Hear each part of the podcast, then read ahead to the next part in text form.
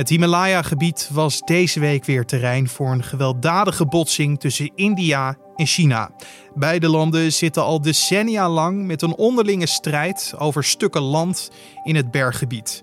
In de jaren 60 zorgde het zelfs voor een oorlog, maar al heel lang vielen er geen dodelijke slachtoffers. Alleen daar is deze week dus een einde aan gekomen. Dit wordt het nieuws. En uh, de landen die hebben met elkaar afgesproken dat uh, daar niet wordt gepatrouilleerd met vuurwapens. Dus uh, vaak gaan militairen ook door dat gebied zonder hun vuurwapens bij zich. Maar dat weerhoudt ze er dus niet van om elkaar af en toe ook met andere middelen te lijf te gaan. Deze grenskwestie tussen India en China gaan we straks samen met buitenlandredacteur Matthijs Lelou zo helder en simpel mogelijk proberen uit te leggen. Maar eerst kijken we kort naar het belangrijkste nieuws van nu. Mijn naam is Carne van den Brink. Het is vandaag woensdag 17 juni en dit is de Dit wordt het nieuws middagpodcast.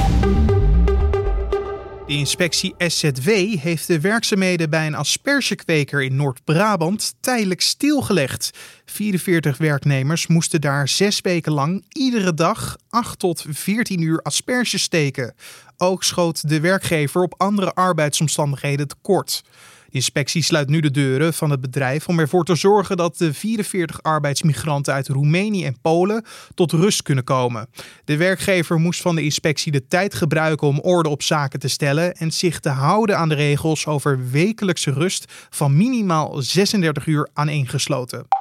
Het door de coronacrisis verstoorde Champions League seizoen wordt in augustus afgemaakt in een toernooivorm in Lissabon. De eindfase van de Europa League wordt afgewerkt in Duitsland. Vanwege de coronamaatregelen is besloten om de kwart- en halve finales en de finale van de Champions League en de Europa League in één land te organiseren. Op die manier hoeven clubs niet heel Europa door te reizen. De laatste drie rondes van de Champions League worden gehouden van 12 tot en met 23 augustus in Lissabon en de Europa League van 10 tot en met 24 augustus in verschillende Duitse steden. Zeker 400 medewerkers van een slachthuis in de Duitse deelstaat Noord-Rijn-Westfalen zijn besmet met het coronavirus. Er zijn in totaal duizend testen uitgevoerd, maar van de helft is de uitslag nog niet bekend. Vanwege de virusuitbraak zijn de werkzaamheden in het slachthuis tijdelijk stopgezet. Naar verwachting krijgen de honderden personeelsleden die hun uitslag nog niet hebben deze woensdag bericht of ze wel of niet besmet zijn. Het herstel van het aantal reguliere behandelingen in ziekenhuizen was eind mei beperkt. Dat concludeert de Nederlandse Zorgautoriteit in een nieuw rapport. Mogelijk moeten ziekenhuizen de komende maanden nog een grote inhaalslag maken. De NZA schat dat de afgelopen maanden er bijna 770.000 minder verwijzingen waren. In het rapport schetst de NZA wel dat de ziekenhuizen een inhaalslag aankunnen. Het is het hoogste gebied ter wereld, maar ook sinds deze week weer een gebied waar werd gevochten.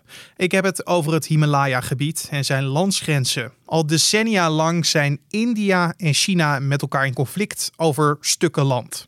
Maandag heeft het weer geleid tot een gewelddadige botsing. Hoe dat eruit zag en waarom dit zo'n langlopend conflict is, vroeg ik aan buitenlandredacteur Matthijs Lelou. Ja, er zijn uh, verschillende verhalen over, wellicht uh, weinig verrassend, uh, aan Indiase en aan Chinese kant.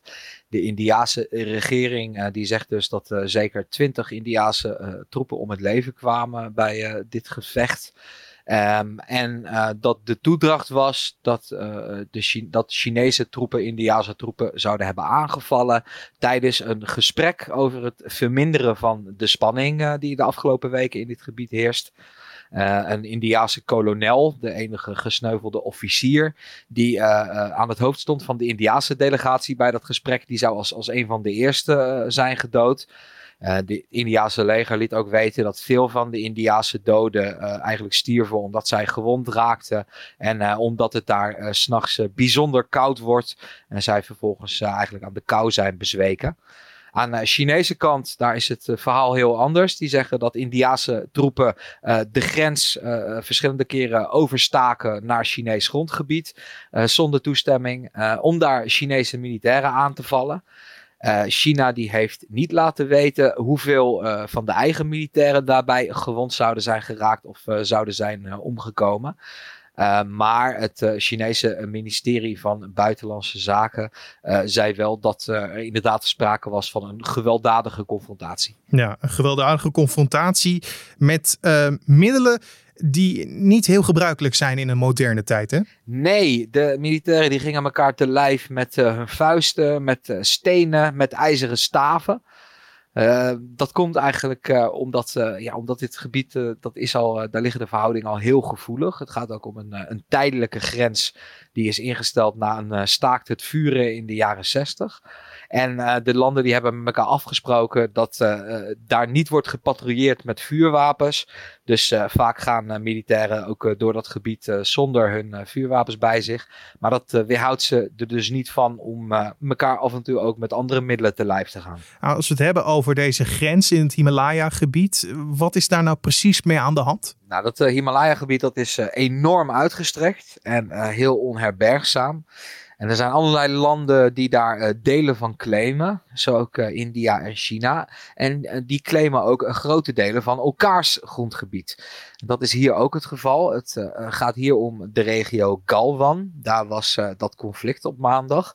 Maar de grens tussen India en China in het Himalaya-gebied die bedraagt zo'n 4000 kilometer. Dus dat is een zeer lange afstand. En op verschillende punten is het hommeles en wordt die grens betwist. Uh, Galwan maakt deel uit van Kashmir. Dat uh, zal uh, verschillende mensen wel bekend in de oren klinken. want Kashmir is natuurlijk de regio die ook deels wordt geclaimd door Pakistan. Dus meestal hoor je over het Kashmir-conflict tussen India en Pakistan. Maar in dit geval gaat het om het Kashmir-conflict tussen India en China. Ja, en dit is ook niet de eerste keer dat het tot gewelddadige confrontaties heeft geleid, hè? Ja, eigenlijk zijn vuistgevechten en wederzijdse pesterijen die zijn aan de orde van de dag. Het gaat hier uh, natuurlijk om een grens waar op een paar honderd meter afstand uh, militairen van die twee landen echt uh, tegenover elkaar staan. Dus dat gaat regelmatig mis. Vandaar ook die regel dat er niet met vuurwapens mag worden rondgelopen. de laatste keer dat het tot doden kwam bij die vechtpartijen, dat is al wel lang geleden. Dat was in 1967. Toen was het ook meteen flink hommeles. Toen kwamen aan beide kanten honderden militairen om het leven. Dat is uh, niet het uh, bloedigste conflict dat uh, ooit op deze grens is uitgevochten. Dat was namelijk vijf jaar eerder, in 1962.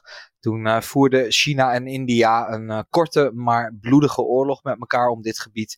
Die eindigde met het staakt het vuren dat de huidige grens heeft bepaald. Dus weer dodelijke slachtoffers in een slepend conflict. hoe hebben de regeringen van beide landen hierop gereageerd? Ja, de Chinese regering uh, die kwam uh, vandaag via allerlei kanalen met uh, een heel eigen verhaal. Zoals ik eerder zei, zij zeggen dat de Indiase militairen hier de fout ingingen. En dat zij Chinees grondgebied binnendrongen en vervolgens de agressor waren. Ja, dit, de Chinese overheid is dat verhaal vrij agressief aan het verspreiden. China zegt ook van, nou, we zitten helemaal niet te wachten op een conflict in dit gebied. Dus we willen heel graag dat India, zeg maar, de eigen troepen tot de orde roept. En komt overleggen over hoe we deze spanningen kunnen afbouwen. India beweert precies het tegenovergestelde. hoewel de regering van premier Modi wat, wat stiller was vandaag. Uh, Modi die zei wel uh, na overleg met zijn ministers en uh, de leiders van andere politieke partijen dat India ook uit is op vrede, maar dat het land zich niet zal laten provoceren en dat als dat toch gebeurt, India met een gepaste respons zal komen. Want los van dit conflict, hoe staan de onderlinge relaties tussen beide landen ervoor? Nou, als je naar Azië als geheel kijkt, dan zijn China en India natuurlijk de twee grootmachten op dat continent. En uh, beide landen de, zijn dan ook uh, best wel uh, duchtige rivalen van elkaar op allerlei fronten. India is een democratisch land met hè, een vrije pers en alles wat erbij hoort. Terwijl China een communistisch systeem is. Natuurlijk zijn beide landen sterk overtuigd van de superioriteit van hun eigen systeem. daar komt ook nog bij dat iets wat ze met elkaar gemeen hebben, is dat beide landen momenteel een vrij nationalistische regering hebben. De regering van premier Modi in India die is uitgesproken hindoe-nationalistisch. En de regering van Xi Jinping in China die geeft er heel erg op van de Chinese soevereiniteit. Dus dat botst ook regelmatig met elkaar. Zeker als je spreekt over gebieden waar de landen aan elkaar grenzen. En, en waar de grenzen eigenlijk uit koloni koloniale tijden stammen. En niet heel duidelijk zijn. Maar we weten wel nu al, dat, is, dat zeggen ze nu al, dat ze niet echt aansturen op een nog verdere escalatie qua geweld. Nee, het is zeer de vraag uh, of beide landen iets uh, te winnen zouden hebben bij een grote oorlog. dan zijn er waarschijnlijk alleen maar verliezers.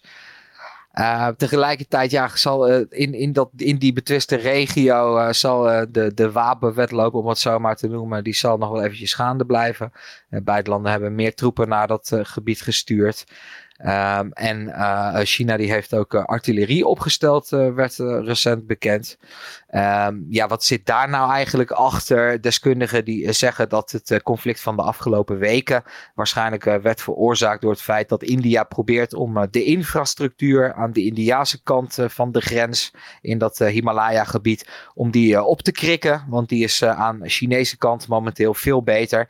India heeft wegen aangelegd en is bezig vliegvelden aan te leggen. En China maakt daar hevig bezwaar tegen. Maar als ik dit allemaal hoor, dan denk ik twee dingen. Staan ze er alleen voor? Dus China als land en India als land? Of krijgen ze ook nog steun van, van andere bondgenoten en landen? Ja, toen uh, het uh, begin mei weer fout leek te gaan, toen bood de, de, Amerikaanse regering van president Donald Trump die bood aan om te bemiddelen tussen India en China. Ja, dat verzoek dat werd door die beide landen eigenlijk beleefd genegeerd. Uh, beide landen hebben al aangekondigd dat ze weer met elkaar om tafel willen. Die gesprekken die zouden volgende maand uh, moeten gaan plaatsvinden. Dus uh, wat dat betreft is het nog eventjes afwachten of ze erin zullen slagen om die pogingen om te deescaleren. Die dus maandag eigenlijk al gaande waren om die succesvol af te ronden. Ja, en of er dus geen roet in het eten al gegooid is. Precies. Dat was buitenlandredacteur Matthijs Lou over het conflict tussen India en China. En dan nog het weer. Vanavond en vannacht trekken de buien langzaam naar het midden van ons land. Het zal niet verder afkoelen dan 14 graden. En morgen zullen bewolking en buien langzaam van zuid naar noord over het land trekken. In het zuiden klaart het verder op en het wordt maximaal 22 graden. En om af te sluiten nog even dit. Het personage Ferry Bouwman uit de Netflix-serie Undercover krijgt een eigen Netflix-film. Zijn personage wordt wederom vertolkt door acteur Frank Lammers. Undercover gaat over een criminele organisatie die zich bezighoudt met de productie en de handel in ecstasy. Ferry Bouwman staat aan het hoofd van deze organisatie. Wanneer de opnames van de film beginnen en wanneer de film op Netflix verschijnt, is nog niet bekend. Maar het tweede seizoen van Undercover is wel onderweg. Die staat gepland voor 6 september. En dit was dan de Dit wordt het nieuws podcast voor deze woensdagmiddag 17 juni. Je vindt de podcast op de voorpagina van nu.nl en in je favoriete podcast app, zoals een Spotify, een Apple podcast of een Google podcast. Vergeet je niet te abonneren op deze podcast en je kan ons helpen met feedback door een mailtje te sturen naar podcast.nu.nl of een recensie achter te laten bij Apple Podcast.